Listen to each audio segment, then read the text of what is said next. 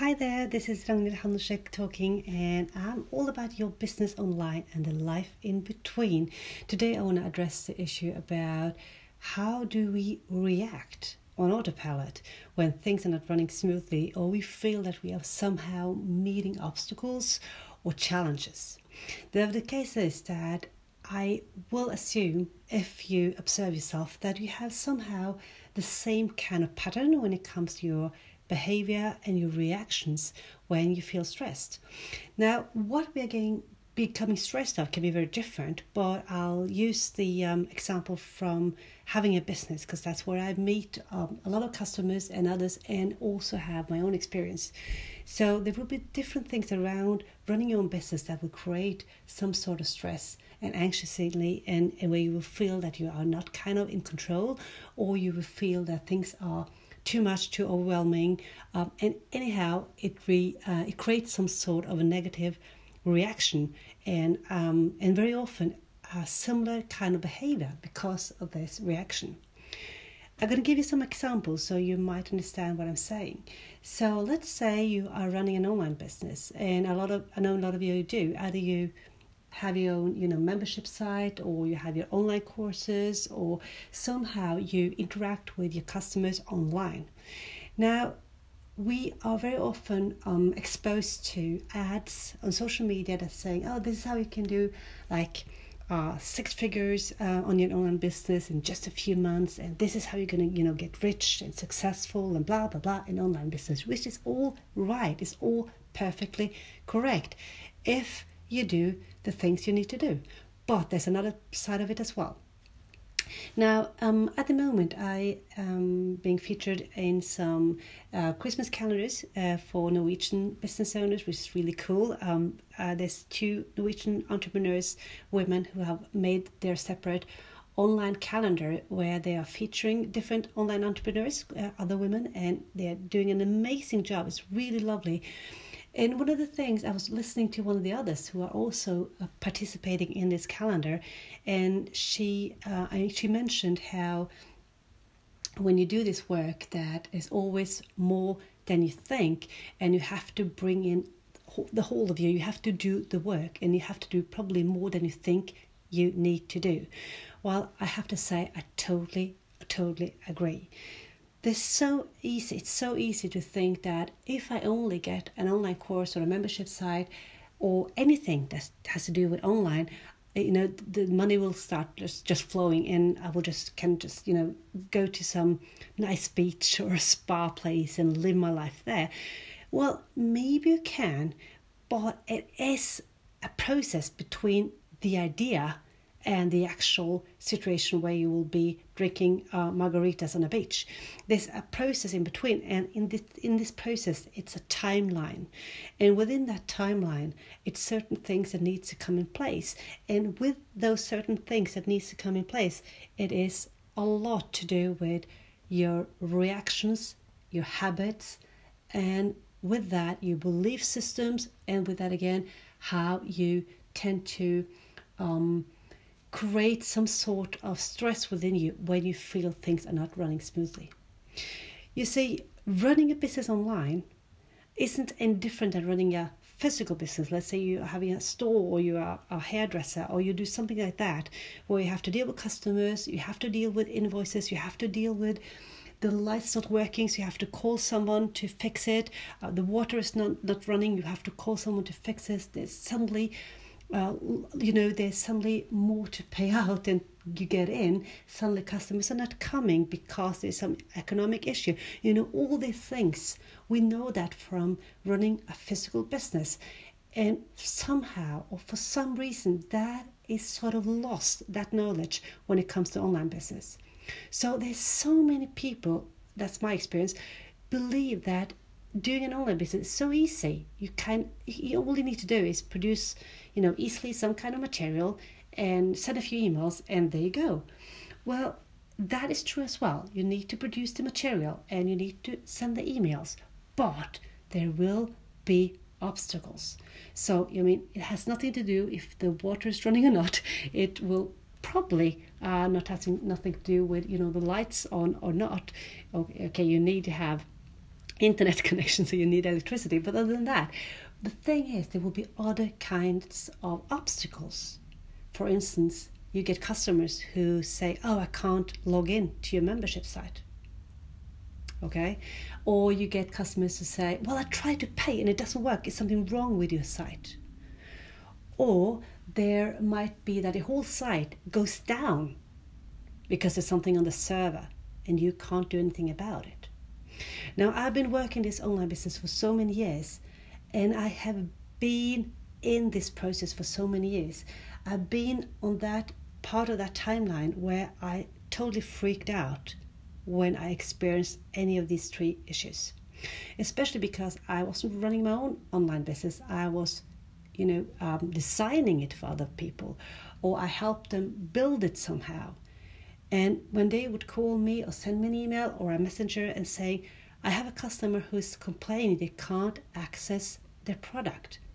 I freaked out. And when I say freaked out, I mean I got so stressed. I thought, oh no, something is completely wrong. And I, you know, I went in whatever whatever the time was. So if it was you know middle of the night, whatever it was, I would just go in there and try to figure out what was the problem. Oh, and I used a lot of energy and a lot of anxiety. And most of the time, it wasn't the system that was failing. It was the customer. And I know this sounds not the right way to say right? Because we all learn that the customer is always right and he or she is. It's just that we are dealing with other people's way of handling for instance how to log into a site.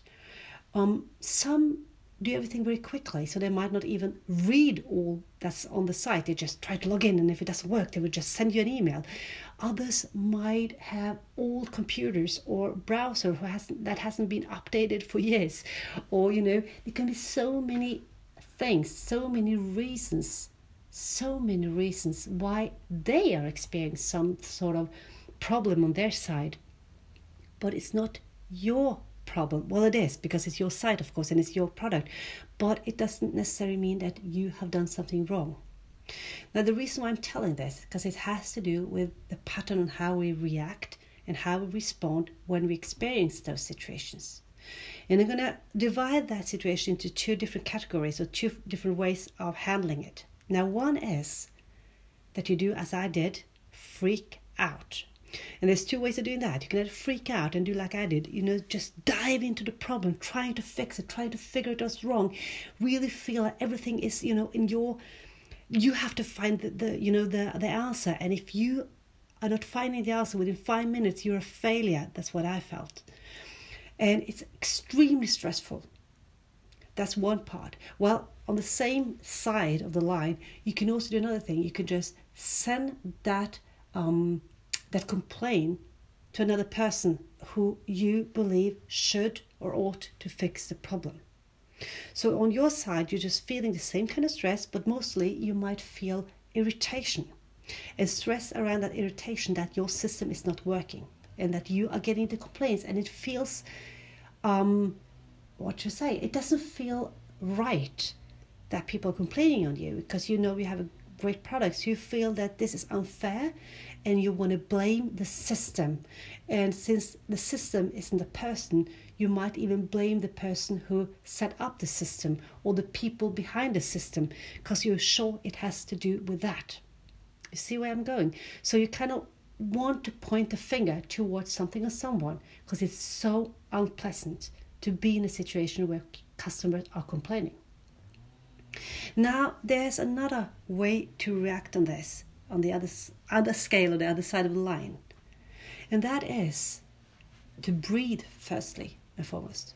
Breathe, and then try to get as much information you can about the situation, and then handle it professionally. And what do I mean by that? And that's easier said than done, right? But it's something about handling it professionally. What I mean is that you will find out what is it that really happened what is it that really happened, and then see if you can figure out how to solve it. And then you will go back to the customer, explaining very politely, uh, very honestly, but politely that this and this might be a solution to your problem. Have you tried this? What about this? And then you start a dialogue. And now, if you're listening to this, you might say, yeah, well, of course. Well, the reason why I'm putting this out is that I know for my own sake is that I found it unpleasant and energy draining and time consuming to have that dialogue with customers. So I instead would go straight into just trying to solve it as quick as I could and use tons of time, know, loads of energy without having all the information up front. Now I did find a solution but I could have found that solution easily, more easily, if I had you know, searched for all the information first. Now, I mentioned in the beginning about reaction, and the, the reason I'm saying this is that when we're experiencing something that is unpleasant and we feel stressed about it in our business, it's something about taking a step back, breathe, and I'm using this for myself. I say, no one is dying. Seriously, no one is dying. You know, if people have to wait for an hour or two, maybe half a day, or maybe, maybe even a whole day, that's fine. Because we tend to believe that our customers are sitting on the other side just like waiting, waiting, waiting for us to respond to them. Well, the thing is, they don't. They have a life. So they might got irritated when they didn't log into your site and they will send you an email immediately or a messenger or you know text you and say, "Hey, I can't access my product." And then they go back and do something else. They go on with their life, waiting for you to respond, but they're not sitting there waiting for you. They just go on with their daily life, which means it gives you time. It gives you time to figure out, send a reply, find out what exactly went wrong. And based on that information, you can find the solution.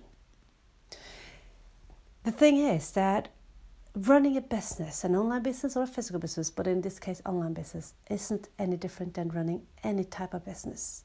We will experience obstacles and challenges that we would like not to happen. You know, just how it is.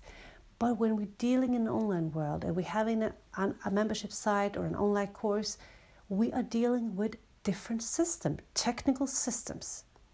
And as you know, things do go wrong, not because they mean to go wrong, just because they do sometimes. Just as sometimes you go into the shower and there is no water for some reason, or you're turning on the light and there is no light because there's you know there's no electricity in the town right now because there was a you know a thunder you know, uh, thunder weather or something. You know it always happens, and it's okay.